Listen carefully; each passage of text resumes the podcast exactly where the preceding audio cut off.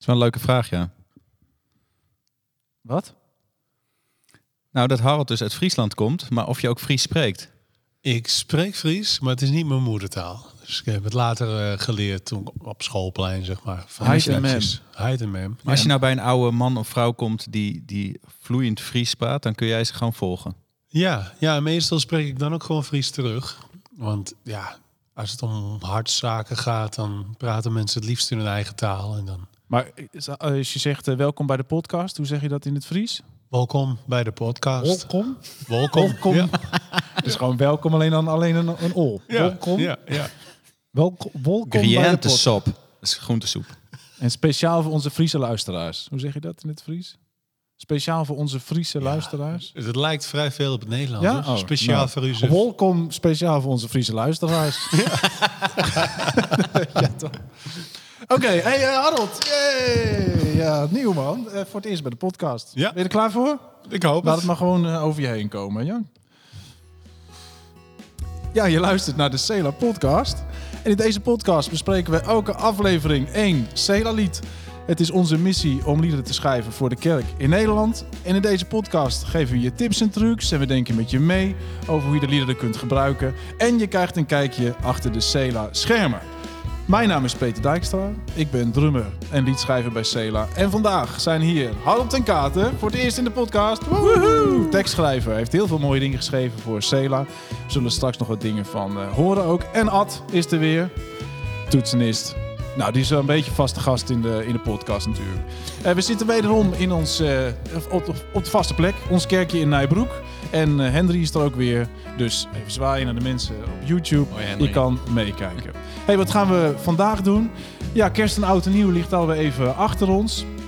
En het jaar is alweer eh van start gegaan. En vandaag gaan we het hebben over het, het lied Gebed voor de werkdag. Over ons dagelijks werk gaan we het hebben. En welke plek heeft dat nou in ons leven, in ons geloofsleven ook. Maar ook, eh, wat is nou de verhouding tussen ons werk en de liturgie? Lijkt me ook interessant om over te, over te praten. Eh, Frans gaat natuurlijk nog bij iemand op bezoek. En we hebben, nou, dit keer geen vragen van de luisteraar, maar dat ga ik straks verder uitleggen. Waarom? We doorbreken onze structuren een keertje. Spannend. Oeh, pam, pam, pam. Ja, dus dat, een beetje. Nou, ik had jou een beetje eh, ingepraat, hè, Harold? Je wist wel een beetje wat er zou komen. Ja. Ja, leuk man. Hey, eh, een vast onderdeel van de podcast is in ieder geval De ijsbreker. Ja, de ijsbreker. En dat is bedoeld om er een beetje lekker in te komen. Nou kreeg ik van Martijn eh, de klacht, want het was wel heel moeilijk de vorige keer. De vorige aflevering heb ik Martijn eh, wat vragen gesteld. Of hij wat van zijn eigen teksten kon herkennen. Maar hij zegt, nou, die, die gedeeltes waren wel heel kort. Dus ik dacht, ik, nou, ik zal Harold een beetje eh, sparen. Mijn vraag aan jou is, ik heb een stukje van een lied wat je hebt geschreven. En kun je je eigen zin afmaken? Is het voor Cela wel een Cela-lied? Ja, Cela. Harold heeft natuurlijk veel meer Ja, nee, dat is waar. Dat klopt. Nee, ik heb me even beperkt tot zedelieden. Je hebt heel veel dingen ook vertaald, hè? Ook voor, ja, eh, klopt. voor opwekking. Ehm, maar we beperken ons nu even tot jouw Cela-repertoire. Dus ik zet een stukje aan. En de vraag is even, hoe gaat de zin af? Grijp dan in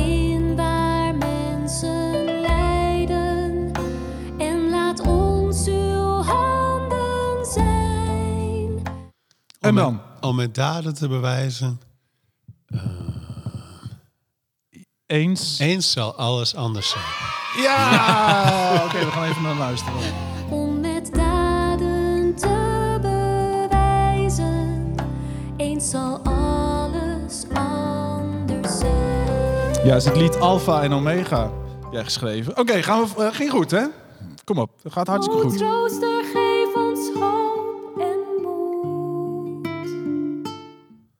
Als u ons ongezien ontmoet. Ja. Ja. Als u ons ongezien Dat was de eerste, hè? Eerste. Dat is onze eerste. Ja, Ja. klopt.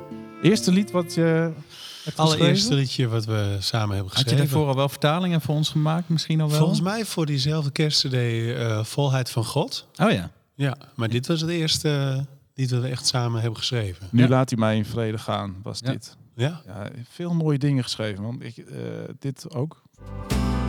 Heel ons herstel die wacht op u. En dan? Wij zijn Wij Wij zijn... zijn zwak, Heer. Ja, je hebt nu de Ik- rijm, het ik ben- rijmwoord ja. Dat maakt het moeilijk. Daar hang ik er meestal aan op, ja. Ja, oké, we gaan ernaar luisteren. Wij zijn zwak, Heer. Raakt u ons aan? Ja. Raakt u Toch nog. ons aan. Ja. Ja, zie dus eh Alfa en Omega en laten mij in vrede gaan. Eén woord is genoeg. Je hebt echt eh, heel veel mooie dingen al gemaakt. En eentje wilde ik ook gewoon even los van de ijsbreker nog even laten horen. Wat jij ook hebt geschreven en waar we nog steeds heel blij mee zijn. In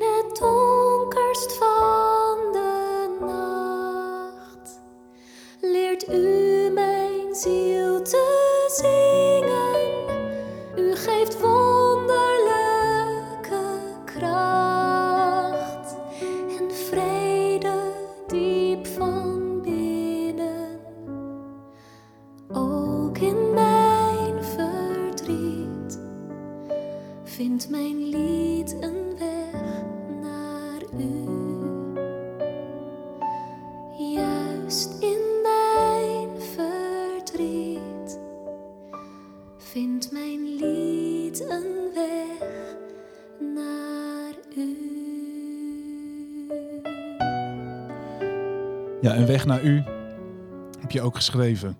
Hey Ad, wat kenmerkt volgens jou nou een tekst van Harold? Nou, het is wel eh, vrij makkelijk wel te onderscheiden eigenlijk van de andere tekstschrijvers.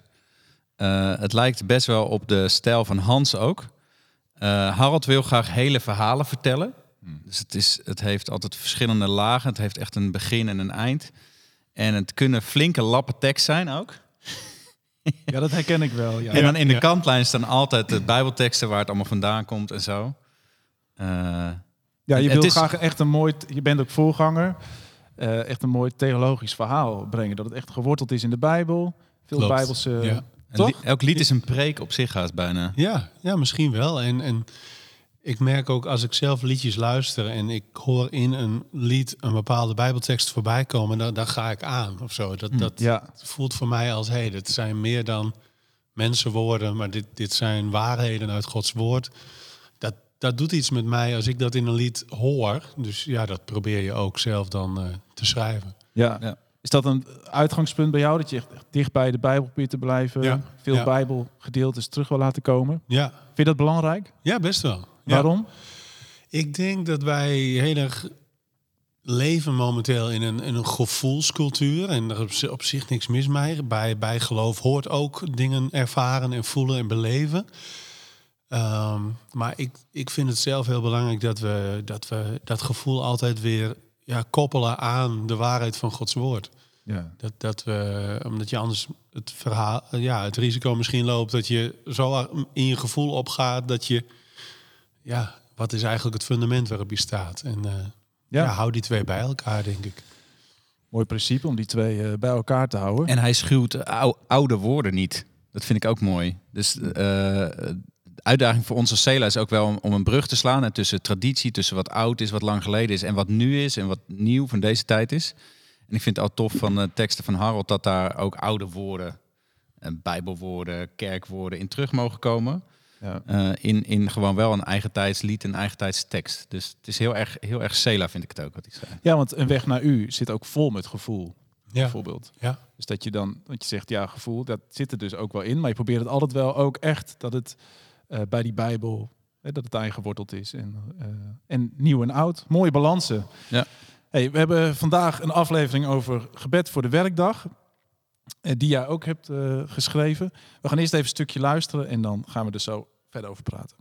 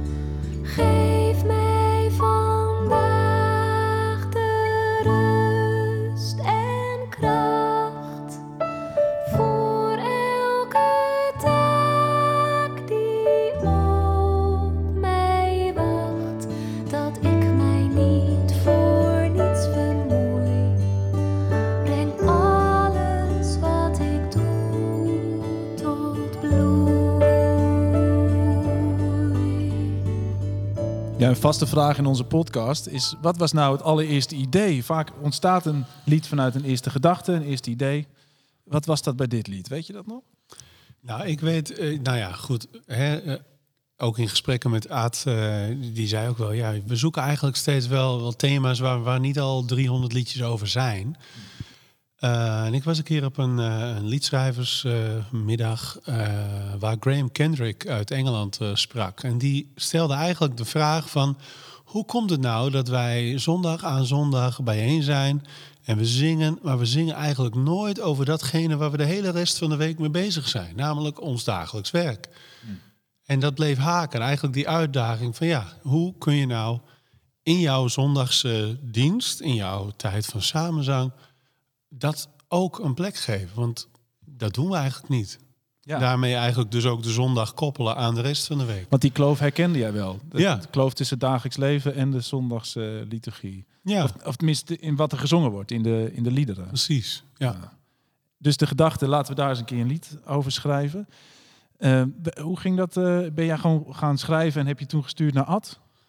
ja, volgens mij wel hè. En jij gaf nog wat feedback. Er konden nog wat dingen even wat scherper. Maar eh, ja, dan gaan we dan ook weer aan schaven. En al schavend. eh, ik heb het idee dat de muziek vrij snel ging hè.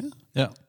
Ja, eh, het is wel leuk om te vertellen. We hadden in die tijd hebben we een aantal keer gedaan dat als we nieuwe liederen gingen schrijven, dat we dan op een vrijdag wel een houten afspraken. We repeteren altijd in houten. Ja, jij was erbij, ik zit naar jou te kijken, maar je weet het natuurlijk allemaal. Ik weet niet wat je gaat vertellen. Nee, dat nu, is maar- ook zo. Je weet niet wat ik ga vertellen. Ja. Eh, en dan spraken we af dat, eh, dat we in twee of drietallen nieuwe melodieën zouden gaan schrijven. En zo op een vrijdagochtend hadden we afgesproken dat Frans en ik naar Kinga zouden gaan. En er zat bij James zat er nog één of twee. En dan in, in de lichtboogde kerk waar we repeteren zaten Oh, er ja. dan ook nog wel een paar. En dan, en dan hadden we afgesproken dan met de lunch komen we bij elkaar. Dan gaan we samen eten. En dan na de lunch gaan we het laten horen aan elkaar wat we aan melodieën geschreven hebben. En eh, die ochtend zaten we dus bij Kinga op zolder. Is dat deze opname? Wacht even. hoor. Ja, Weet ja, je dat zal wel dan. Ah, dit Nee, is wat ik kon zitten. vinden. Ja. En hier hoor je Kinga, die, die doet gewoon... Nee, nee, nee, nee.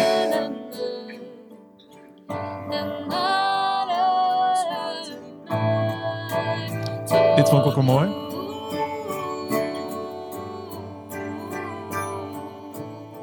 Het is ook meteen zoeken in die sfeer van wat voor soort...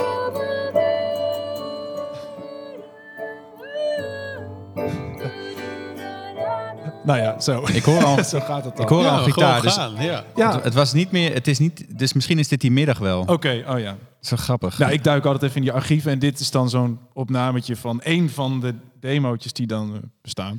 Nou ja, en ik zei al even van, je hebt die, die eh, dat gebeurt denk ik bij Harold misschien wel vaker dan bij de andere schrijvers bij ons, dat het dan een achtregelig eh, couplet is zonder een refrein eigenlijk. Hè? Dus eigenlijk gewoon drie coupletten van acht regels. Dat is best wel een uitdaging om dat te componeren in een vorm die ook nog eh het heeft geen refrein. Nee. Het is drie keer inderdaad. Het is gewoon AAA, zou Ja. je zeggen. Maar het is eigenlijk een, wel een vrij klassieke opbouw die je wel vaker bij acht regelige liedjes tegenkomt. Dat die eerste vier liedjes lijken wel wat op elkaar. En dan krijg je twee liedjes Vier die echt iets... het, eh, ja, twee regels die dan echt iets anders doen. En dan weer twee regels die teruggaan naar het beginthema. Dus er zit een soort refreinachtig ding wel in die vijfde en zesde regel. Ja, precies. Ja, zo voelt het dan. eh. Maar het is Ja. elke keer een andere tekst, waardoor het niet echt een... eh, Nee. Ja, uiteindelijk werd die eh, eerste couplet... Laat al mijn werk gezegend zijn en geef mijn arbeid zin. Laat in mijn huis uw vrede zijn en zegen mijn gezin. Geef mij vandaag de rust en kracht voor elke taak die op mij wacht. Dat ik mij niet voor niets vermoei. Breng alles wat ik doe tot bloei. Kun je ons eens meenemen in jouw hoofd? Wat, welke beelden, welke gedachten heb je hier proberen in te stoppen?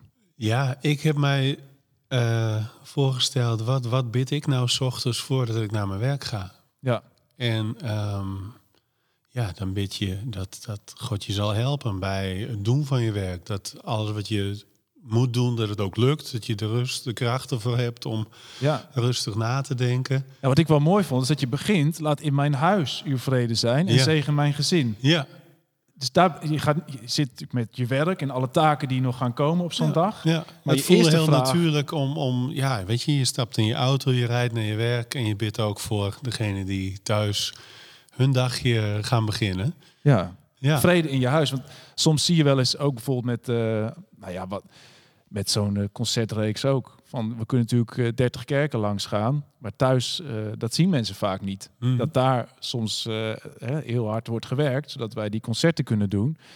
En dat vond ik wel een mooi inzicht van, ja, heel vaak kunnen we wel ons werk doen, maar er zijn ook mensen die thuis aan de gang zijn. Ja, en sterker nog, ergens een van de redenen waarom je doet wat je doet, is ook gewoon om brood op de plank te krijgen voor je gezin. En ja. Soms is het zelfs lekkerder om te gaan werken dan om thuis te blijven. Thuis harder werken. Ja, ja, thuis wordt ook gewerkt. Hè, maar daarom heb ik hem er ook bewust in gezet. Maar ik denk ook voor degene die niet buitenshuis werkt, maar de handen vol heeft de hele dag aan het zorgen voor kinderen, die kan dit vers ook meezingen. Ja, Ja. heel mooi. En daar begint het natuurlijk wel. Ik heb wel eens die uitleg gehoord van Handelingen 1, vers 8. Hè, dat ze dan, eh, maar u zult de kracht van de Heilige Geest ontvangen die over u komen zal. En u zult mijn getuige zijn, zowel in Jeruzalem als in Judea en Samaria tot aan het uiterste van de aarde. Ja, het begint eerst thuis. hè, Ja, getuige ja. zijn. Het begint in Jeruzalem. Dus iemand, ja leuk, al die dingen en concerten. En, eh, maar wacht even, het begint echt thuis. Hmm. Dat heb ik al een paar keer moeten horen in mijn leven. En nou ja, goed, ik doe mijn best. We groeien erin. Maar dat, dat is wel de eerste, eerste start. We even verder naar couplet 2? Prima. Eh, laat al mijn werk tot zegen zijn voor mensen om mij heen. Dus gaat hij naar buiten toe. Laat in mijn hart uw vrede zijn en werk zelf door mij heen. Maak mij als zout dat smaak verspreidt. Maak mij als licht dat zichtbaar schijnt. Tot ieder woord en elke daad mijn vaders liefde tastbaar maakt. Ja, dan komt die beweging naar buiten dus. Ja, klopt. Ja, je begint thuis, je vraagt een zegen over het werk zelf. Vers 2 zegt naar buiten, laat het werk dan ook veranderen tot zegen zijn. Ja. Zout dat smaak verspreidt. Hoe zie je dat voor je? Dat is natuurlijk een beeld wat we kennen uit de Bijbel. Ja. Wat bedoel je dan? Dat op de een of andere manier aan jou doen en laten, aan de manier waarop je doet wat je doet, te merken is dat, ja, dat je niet zomaar wat doet. Ja. Dat je, dat je, dat je God kent, dat je ergens ja, doorademd bent van zijn geest. Ja. En, en dat dat op een of andere manier tot uiting komt in hoe je met anderen omgaat, eh, hoe je je werk doet. En er zullen misschien luisteraars zijn die zeggen: Ja, dat snap ik als je voorganger bent of je speelt Mhm. bij Cela. Maar hoe doe ik dat nou als ik eh, achter de kassa zit? Ja, Bijvoorbeeld? nou ja, toen ik dit schreef, eh, stond ik voor de klas bijvoorbeeld. Oh ja. Dus eh, ook weer anders, ja. ja. Jij gaf toen les, ook dat weet ik eigenlijk Ja, niet. klopt. Ja. ja, ik was docent Engels en later godsdienst, maatschappijleer. Oh, ja. Dus, eh, ja. Hoe heb je dat toen? eh, Nou, ik, ik probeerde met vallen en opstaan natuurlijk, hè, met al je lek en gebrek. Ja, als je met een klas kinderen of, of tieners optrekt, hey, hoe ga ik met die tieners om? En, en ben ik alleen bezig om stof in die hoofden te pompen of, of zie ik die, die tieners als wie ze zijn? En heb ik oog voor, hé hey joh, je zit niet lekker in je vel, gaat die? Kan ik iets voor je betekenen? Ehm, heb ik oog voor degene die het vak gewoon moeilijk vindt, maar ook, nou ja, weet ik veel, iemand die even een moeilijke week heeft. Heb ik daar aandacht voor? ja. Ehm, ja, en dat soort eh, dingen. die kleine Ja, dingen gewoon omzien naar de mensen om je heen. mooi. Je gaat verder. Laat al mijn werk geheiligd zijn. Een dienst tot eer van u. Ten diepste nog. Je dient die ander, maar het is ten diepste een dienst aan God. Laat mij oprecht integer zijn, een spiegelbeeld van u. Werk door uw geest met kracht in mij, tot uw karakter groeit in mij. Voltooi het werk dat u begon, tot aan de dag dat Christus komt. Dat vond ik een interessante gedachte. Voltooi het werk dat u begon. Dus is het zo dat wij in ons dagelijks werk het werk voltooien dat God ooit is begonnen?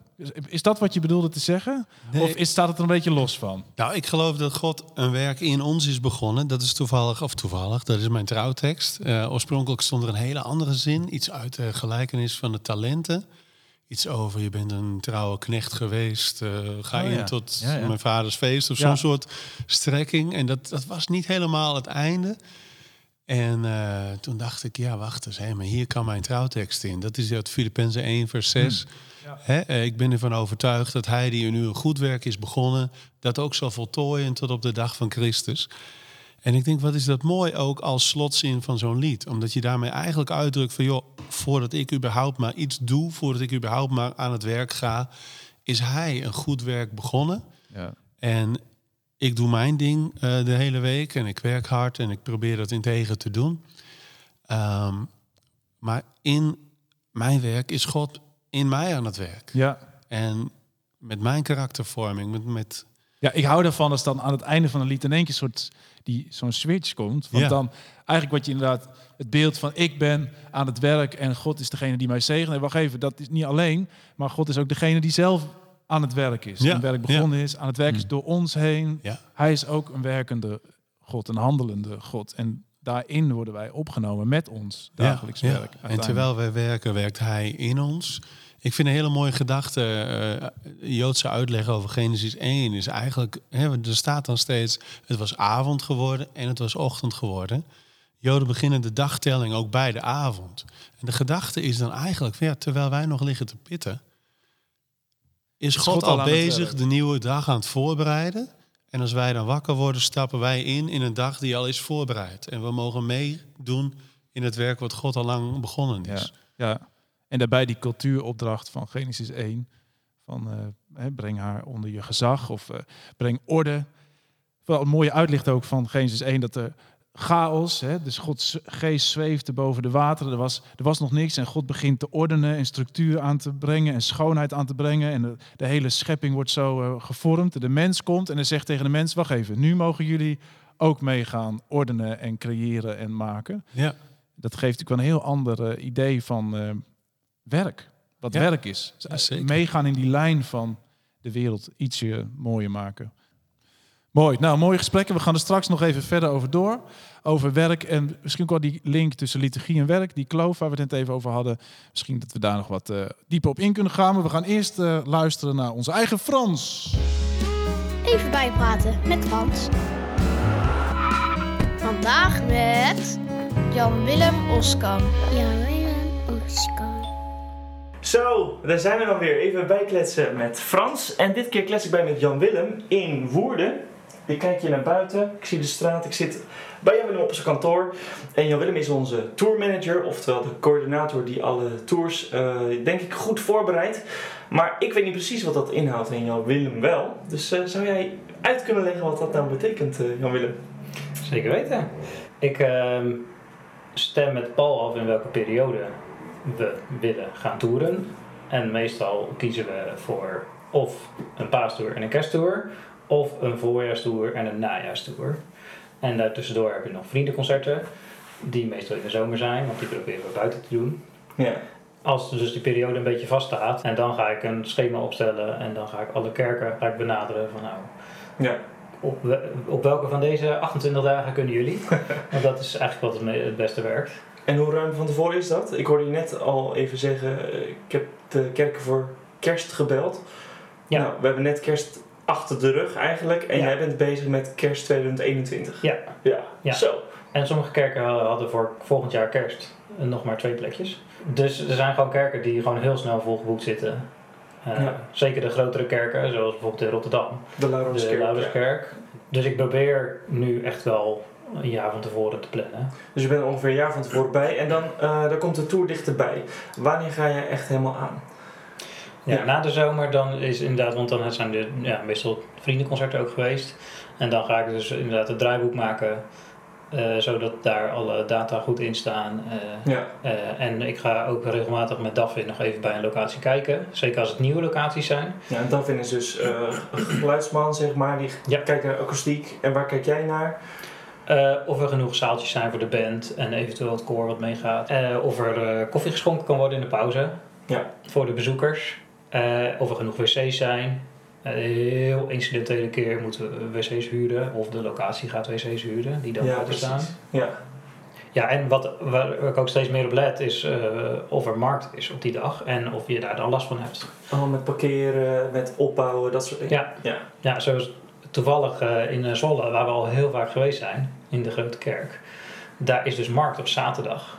Maar op de een of andere manier hebben wij in al die jaren dat we er geweest zijn, zijn we er maar één keer op zaterdag geweest. En Oh, ja. toen kwamen we er pas de week van tevoren achter dat er dus markt was en dat we er dus helemaal niet konden komen met de vrachtwagen. Dus toen zijn we nog op stel en sprong op vrijdag gaan opbouwen. Zo.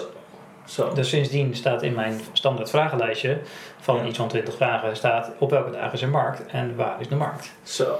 En dat wordt ondertussen een heel groot archief met eh, kanttekeningen die je hebt bij elke kerk waar Ja. je rekening mee moet houden. Ja. Ja. En hoeveel jaar doe jij dit al, eh, Jan-Willem? Eh, even denken hoor. Ik denk een jaar of 2008 zo uitgebreid. Ja. En daarvoor was je ook al betrokken? Ja. En dat was dan een andere rol, denk ik? Ja, ik ben helemaal in het begin, in 2006, begonnen met Beameren, de teksten projecteren. Oh ja, ja, ja. ja. En daar ging ik steeds meer dingen bij doen. Eh, bijvoorbeeld eh, waterflesjes regelen op het podium of eh, zorgen dat er eten en drinken was. En wat is dan jouw relatie met de Cela of de Cela muziek? Hoe, want ik heb me wel eens laten vertellen dat je niet per se heel erg houdt van de Cela muziek. En dat vind ik natuurlijk heel boeiend, want je gaat wel elke tour mee en volop erin. En je hoort de liedjes ook veel. En, is dat hetzelfde gebleven al die jaren? Of, de- ik, het Cele muziek is niet mijn muziek, zeg maar. en, en er zijn wel albums van Cela die ik echt wel veel mooier vind dan, dan, eh, dan andere albums, zoals eh, Thuis, het laatste album. Ja. Dat vind ik echt wel heel mooi. Maar dat is, daar zit ook gewoon iets meer muziek Energie in. ja, energie, ja, dat vind ik een mooie omschrijving. nee. Maar wat is het dan dat je bij eh Cela bent aangehaakt en gebleven? Ja, ik vind het werk zelf heel erg leuk. Zeg maar dingen organiseren en regelen. En de groep, de vaste groep, zeg maar de band en, en wat vaste vrijwilligers daaromheen en, en een aantal vaste technici. Ja. Dat is wel echt een soort van familie Ja. slash hechte vriendengroep. Ja. Ook al zie je elkaar niet het hele jaar door. Vaak zelfs maar twee keer per jaar een langere periode. Ja, ja. Maar dat, dat, dat houdt mij daar zeker bij, ja. Nou ja en volgend jaar, is, ja, als, de, als het goed gaat, als het, als het, zeg maar, coronavirus steeds meer weg is, dan kunnen we wel gaan kijken naar bijvoorbeeld in de zomer vriendenconcerten. Ja, ja. Maar ja, ik weet niet zo goed wanneer we daar echt iets over kunnen beslissen. Dat zal toch wel april of mei zijn of zo. Nou, we pinnen nog niks vast. Nee, We hopen samen op een eh, kerst volgend jaar, een kersttour. dat moet toch wel lukken, zou ik zeggen, Ja. toch? En dan gaan we nu eh, terug naar Peter. Even bijpraten met Frans.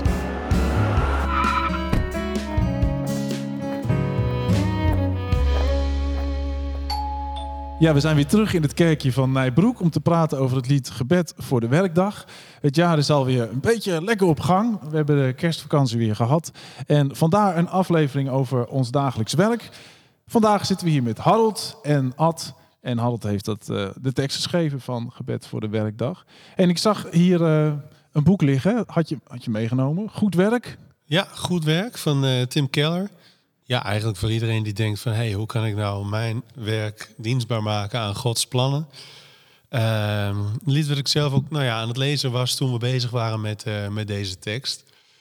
Ja, en ook een gedachte die je in die tekst hebt proberen te... of Wat, wat is de, de hoofdlijn van dat boek? Zou Ja, even- dat is lastig. Maar wat ik er enorm uitpikte was... eh, hij verwijst op een gegeven moment naar Luther... die eigenlijk aangeeft van... weet je, ieder eervol en eerlijk werk... wat wie dan ook doet... of je nou predikant bent of stratenveger of broodbakker... kan tot eer van God zijn. En ik denk dat dat wel een hele waardevolle gedachte is... die je, die je mag vasthouden, ja. Ja, dat soms mensen denken, van als je echt zendeling bent of je bent voorganger, of dan kun je pas echt iets tot eer Of doen je van speelt God. in Cela. Ja, Dan Ja. vooral. Nee, maar serieus. Mensen kijken dan best wel tegen ons op en denken dat is dan heel speciaal. Terwijl ik denk, nee, wij doen wat, waar wij goed in zijn en waartoe geroepen zijn. Hmm. En dat heeft dan misschien wat meer aandacht, maar het is echt niet belangrijker dan het werk wat misschien wel niemand ziet, maar wat, Ja. wat gewoon is waar jij toe geroepen bent. Ik denk ook het bijbelse woord van roeping. Hè. Bij roeping denken we meteen aan zending, dominee of, of inderdaad eh, op het podium eh, muziek maken voor de Heer. Wij hebben allemaal een roeping. En ehm, poos geleden vroeg iemand op een alfa-cursus aan mij van ja, nou ja, ik ben automonteur. Ja, wat, wat, wat, ik weet niet wat God daar nou mee kan. Ja, Toen dacht ik van ja, maar als jij nou je werk eerlijk doet, dat klanten bij jou komen en weten, deze gast die bedondert mij niet, die schrijft eh, niet anderhalf uur als die drie kwartier is bezig geweest, ja. die is betrouwbaar en het eindresultaat is gewoon, mijn auto doet het weer en hij is goed. Ik zeg, dan doe jij je werk tot eer van God, want je doet het goed, je doet het betrouwbaar, je doet het eerlijk. Ja. En, En- heb je op dat plekje iets meer schoonheid gebracht en Ja. eerlijkheid en rechtvaardigheid en eh, zo de wereld iets mooier gemaakt. Ja, zo, zo nodigde of moedigde Luther eigenlijk de stratenvegers van zijn tijd aan. Van, joh, zorg dan dat jouw stukje straat gewoon zo mooi blinkt en straalt. Dat Ja. is tot Gods eer. En als Ja. jij brood bakt, bak dan het meest gezonde, mooie, voedzame brood. En eh, reken er een eerlijke prijs voor. En dat is tot Gods eer. Net zo goed als die preek op zondag door Ja. de dominee. Dus of je nou in de zorg werkt, of in het zakenleven, in de cultuursector of waar dan ook. We hebben overal mensen nodig die de wereld gewoon wat schoner en beter en Ja. mooier maken. Nou ja, kijk naar de hele coronatijd waar we, waar we nou in leven. Ik bedoel, wat hebben de mensen in de zorg terecht, denk ik, misschien eindelijk de aandacht gekregen die ze al die tijd al verdienden. Ja. Mm. Omdat we nu ineens weer beseffen, wat doen die mensen een geweldig werk. En de mensen in de Ja. supermarkt. Ja, Ja. Ja. Mooi, mooie gedachte. Ook voor jou als luisteraar. Ik zwaai even weer naar jullie. Hallo. Ik moet af en toe even naar jullie kijken, want er staat hier een camera. En eh, als je kijkt en eh, weet je, weet je bemoedigd als je het komende jaar weer je werk gaat oppakken. Je hebt een speciale ja, taak, roeping. Je zegt dat woord even op de plek waar jij bent gesteld. En misschien is dat inderdaad wat we net zeiden, gewoon, of gewoon eh, thuis. Dat is hartstikke, hartstikke super En vandaag, het is ge- gewoon vandaag, hier en nu. Niet iets van, oh ja, ik weet dat ik vroeger, eind van mijn tienertijd, dan zei ik, ja, God gaat ooit echt grote dingen doen, weet je, in mijn leven. Nee, gewoon vandaag. Nu is nu. Nu, gewoon nu. Zeg maar, als ik jou tegenkom, dan wil ik in hoe ik met jou contact heb, wil ik Gods liefde laten zien. Weet je. Ah, Niet je. dat hele grote maken. Nou is dat bij jou ook wel natuurlijk ook wel makkelijk, maar Ik heb het. Oké. Hey, eh, bedankt. hey, wat wel leuk is, oh, ik heb Toobs gevraagd, als je, Tobias, onze eigen Tobias, als je dit lied nou zou willen spelen, kun je dan even wat tips geven? Want we horen in het intro, hoor je allemaal twee gitaren door elkaar heen. En hij legt even uit wat er dan gebeurt. Hoi, Tobias hier vanuit mijn home studio. En ik mag jullie wat uitleggen over de twee gitaarpartijen die Peter en ik spelen op dit lied Gebed voor de Werkdag. Mijn gitaarpartij is redelijk simpel, die gaat zo. 1, 2, 3 en 1, 2, 3.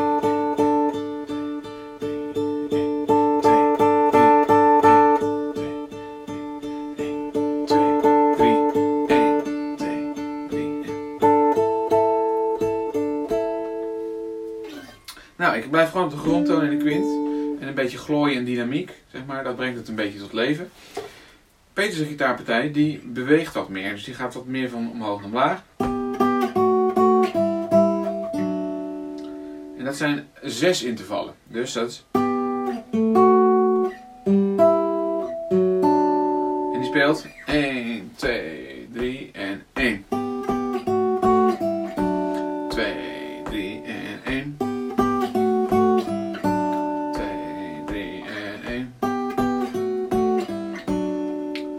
als je die combineert, dan krijg je precies wat wij op de cd spelen. Als je nou met twee gitaristen bent in je gemeente, dan zou ik zeggen, probeer het eens uit. Veel succes. En terug naar Peter. Ja, terug naar ons. superleuk man. Dat leuk toch? Even Ja. voor de gitarist onder ons. Ja, als je nou helemaal niks hebt met gitaar, sorry voor de afgelopen anderhalve minuut. Maar voor de gitaristen even eh, wat eh, advies. Niet van Ad, maar van Toos. Hey, misschien eh, wat advies. Eh, Ja, op wat de piano. Ja, leuk. Hoe zou jij het spelen?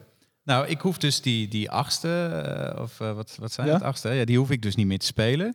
En eh, dat middengebied is ook niet zo heel belangrijk. Dus dan, dan merk je dat ik, ik doe de bas en ik doe dat melodietje wat juist de andere kant op gaat. Dus die gitaar gaat eigenlijk naar beneden en mijn melodietje gaat dan omhoog. Zal ik het even spelen? Kruip even achter de piano. Gewoon even de piano die we hier hebben staan. Laat het even horen, ja. Ja, ik, ik speel nu dus iets zonder gitaristen. Dus Ja, ze moeten de gitaar een beetje bijdenken.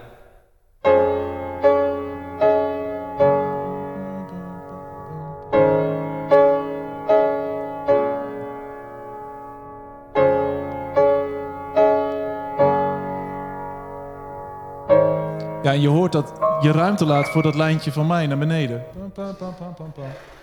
Ja, dat is... eh, Nou, wacht even hoor. Dat was advies. Dat was advies. Nou, het is, ik val in herhaling natuurlijk. Elke podcast zeg ik dit misschien wel. Maar wat volgens mij dit ook weer heel mooi laat zien, is dat je allemaal je eigen functie hebt. En ga vooral niet allemaal hetzelfde doen. Maar kijk van, oh, doet de gitaar dat dan? Dan hoef ik dat dus als piano niet te doen. En het is helemaal niet erg om soms iets dubbel te doen. Maar juist Ja. het niet dubbel doen geeft heel veel openheid en transparantie. Ja, zoek je eigen plek. Ja, Ga ja. niet eh, stapelen, maar gewoon eh, aanvullen. zeker. Dus we hadden het net even over die kloof. Dat vond ik nog interessant om nog even verder op, door te gaan. We hadden het net over de kloof tussen liturgie en het dagelijks leven. En eh, we zeiden ook al, jij bent voorganger. Eh, hoe kun je dat nou doen in je liturgie om die brug te slaan? Ja, ik denk gedeeltelijk natuurlijk een, een, een gemiddelde dominee zal proberen ook in zijn verkondiging die toepassing te maken naar het dagelijks leven. Dus dat is een stukje van de liturgie.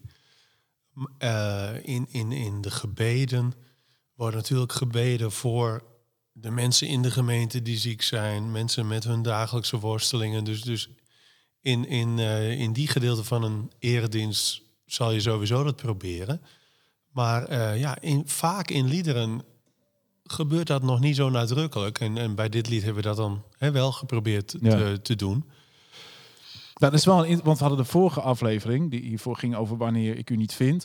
Dat ging dan over die emotionele kant. Dus hoe kunnen we ook die vragen en die twijfel meenemen in de liturgie? Ja. Eh, dus bij deze aflevering is eigenlijk de vraag: hoe kunnen we inderdaad dat dagelijks leven? Maar je zegt bidden voor dingen, voorbeden. Dat zijn dan manieren om dat te doen. Ja. Ja, maar het is wel, ik vind het wel een interessant inderdaad. Ook omdat heel snel de taal die we bezig in de kerk soms afstaat van het dagelijks leven. Ja. Ook wel van dagelijkse taal. Ja, is dat erg of hoort dat ook gewoon bij het zijn van kerk? Ja, misschien een beide een beetje. Maar ik, ik herinner mij bijvoorbeeld dat, dat iemand een samenkomst leidt. En, en, nou ja, in, in de, en dat hij begint met woorden van, van deze strekking. Eh, dat, nou ja, ik weet niet hoe u hier gekomen bent en wat voor week u achter de rug hebt. Maar laten we dat nou allemaal even lekker achterlaten. Want nu willen we naar de Heer. Terwijl ik denk, nee, wacht. We laten het niet achter om naar de Heer te gaan. We nemen het mee. We brengen het bij de Heer. Ja, ja. En, en dan mag je dus en die twijfels en die zorgen waar je dan net naar verwijst, maar ook je dagelijks leven meenemen naar de Heer. Hoe, doe je dat eigenlijk in je preek? Daar ben ik ook benieuwd naar. Want een preek is natuurlijk een uitgelezen kans om die boodschap die je vertaalt naar vandaag, om die gelijk te verbinden aan eh, morgen, zeg maar maandag. Hoe ga je Mhm. daarmee aan de gang? Let jij daar bewust op? Of, of schiet Ja, dat er regelmatig bij in? Of hoe werkt dat? Je probeert, kijk, de, het lastige is, je wil, je wil de tekst recht doen zoals die er staat. Nou ja, context, exegese enzovoort. Ehm, maar als je daarbij laat, dan heb je mensen inderdaad een stukje kennis bijgebracht. Waar ze dan misschien nou ja, door geïnspireerd zijn, maar nog niks praktisch mee kunnen. Dus je zoekt altijd naar, oké, wat betekent dit nou voor hoe jij in jouw relaties, in jouw vriendschappen, in jouw werk, eh, Jezus kan navolgen. Ja. Ja. Ja. En wat hebben mensen daarin nodig? Ja, ik geloof dat dat, dat een, een. Ik geloof dat het een combinatie is van openstaan voor wat God ons te zeggen heeft, zijn woord. Hmm. Maar ook eh, hebben we het nodig om gevormd te worden. En ik denk dat een liturgie ook een vormende functie heeft. Dat jij, als het goed is, door, door deel te nemen aan de liturgie, door God te ontmoeten in een samenkomst, in de liederen, in de gebeden, in de prediking, dat God met jouw hart aan de slag kan. En ehm, dat zijn geest werkt in jou. eh, en wat in het derde couplet ook zit, van eh, werk door uw geest met kracht in mij, Ja, dat uw karakter groeit in mij. ja. En, en ik denk dat dat, ja, dat is niet alleen in de liturgie, maar dat is ook in de eredienst. Mag dat eh, plaatsvinden. En Ja. waar, waar hij in jouw hart aan het werk kan, Hmm. daar, daar gebeurt iets moois. Daar word je een mooie mens. Ja. Ja, we hebben het wel eens in andere podcasts ook besproken hoe we dat ook bij avonden van Sela proberen. Hè? Van mensen mee te nemen in dat verhaal. Dus aan te haken bij waar zit jij, welke vragen zijn er, welke moeilijkheden, welk lijden, welk pijn, al die dingen. En dan dat mensen denken, oh ja, dit ervaar ik ook zo, of dit beleef ik ook. En dan mensen mee te nemen in die ontmoeting toch tussen God en mens. Want dat is die dubbele kant van liturgie. Het is het verhaal van mensen, maar ook het verhaal van hoop en perspectief van God. Eh, Waar- Ook met hoe jij teksten schrijft eigenlijk. Je zegt, hey, hoe, kan, hoe kunnen mijn teksten ook geworteld zijn in de Bijbel? Ja. Dus we zoeken toch naar woorden die enerzijds aansluiten bij de dagelijkse praktijk en bij ons gevoelsleven, maar tegelijkertijd ook bij die Bijbel. En waar die twee elkaar ontmoeten, daar gebeurt natuurlijk wel, eh, daar, daar gebeurt wel wat. Ja, en zo vaak is de Bijbel ook zeer praktisch. Hè? We, kun- we kunnen het soms tot iets abstracts, iets, iets Ja. filosofisch maken en eindeloos debatteren over eh, Griekse werkwoordsvormen en weet ik veel wat. maar Ja, als ik de bergreden lees, waar Jezus, eh, Jezus vertelt gewoon heel simpel aan zijn leerlingen hoe ze hebben te leven. ja en de gelijkenissen van Jezus gaat allemaal over de praktijk Ja. van, zie, zie eens het graan, zie eens de vogels. Hij- gewoon de dagelijkse praktijk. Hij brengt het heel dichtbij. Jezus was geen filosoof. Oké, dat vond ik een mooie quote. Jezus was geen filosoof. Ja, mooi. Hey, ik ben benieuwd wat jij hiervan denkt als je dit luistert. Wat voor gedachten dit bij jou oproept. Ja, we hebben het eh, gehad over hè, je werk, liturgie. Neem jij dat mee naar de liturgie? En neem je iets van je liturgie weer mee naar je werk? Hoe is die interactie? Ik ben benieuwd naar jouw ideeën daarover. Eh, Kom maar door via podcast.cela.nl. Eh, we gaan nu naar een vraag van een luisteraar. Ja, en eigenlijk klopt dit niet helemaal, want ik wil het vandaag een beetje anders doen. Normaal hebben we de vraag van de luisteraar, maar dit is aflevering nummer 10 en dit is de laatste van een serie eh, podcast. We hebben gezegd van we maken er 10 en dan gaan we even kijken hoe we precies weer verder gaan als, eh als Cela met deze podcast. Nou, dat is dus nu podcast 10. En dus eh, aan het einde van deze serie aan jullie, daar, hallo, de vraag, help ons eventjes. Want wij zijn weer aan het plannen om een nieuwe serie podcast te gaan maken. Eh, we nemen even een korte break, korte pauze. En we willen 1 maart weer online gaan komen met een nieuwe podcast. En dat zal zijn over Toekomstvol van Hoop, die weten we al. En daarna is nog best wel open. Dus aan jullie de vraag. Over welk lied zou jij nou nog een podcast willen? Dat is vraag 1. Over welk lied zou jij nou een podcast willen? En wat we heel graag horen van jullie, wat vond je nou goed aan deze serie van 10 podcast? En wat zou nou een goede verbetering zijn? Zodat we echt met jullie input ook de volgende nieuwe serie kunnen gaan vormgeven. Eh, we hopen er dan weer een stuk of 10 te gaan maken. En dan zijn we alweer in de zomer van 2021. Dus eh, kom maar door. Welk lied? Wat vond je goed? Wat zouden we nog kunnen verbeteren? En dan eh, kunnen we het nog meer laten aansluiten op wat, nou, wat jullie vragen ook zijn en jullie ideeën. Lijkt me, lijkt me mooi. Voor nu denk ik dat we hem gewoon afronden. En eh, is dit dan aflevering 10? Ja, we zijn dus eventjes ertussenuit. Dus over twee weken geen nieuwe podcast. Ah, jammer. En, eh, maar 1 maart komt dan de volgende. Dus dan hopen we jou weer als luisteraar bij ons te hebben. Maar voor nu, eh, jullie in ieder geval heel erg bedankt voor dit gesprek. Over, Jij bedankt voor deze hele serie. Ja, wat leuk. Ja, ontze- ik vind het ook echt superleuk om te doen elke keer. Eh, en leuk om over al die verschillende dingen te praten. Ehm, nou, dat. Eh, je kan dus eh, reageren podcast.cela.nl voor die vragen. Hou onze social media in de gaten. In maart hopen we je weer te kunnen ontmoeten. En wij gaan eventjes weer eh, herbezinnen. Wat gaan we doen? Welke dingen? Misschien een nieuw item. Heb je nog leuke ideeën? Heel ja. veel ideeën. Nee, heel veel ideeën. In ieder geval komt advies misschien wel weer voorbij. En, eh, nou, ik ben benieuwd. Hopelijk ga je even mailen. Tot 1 maart. Doei!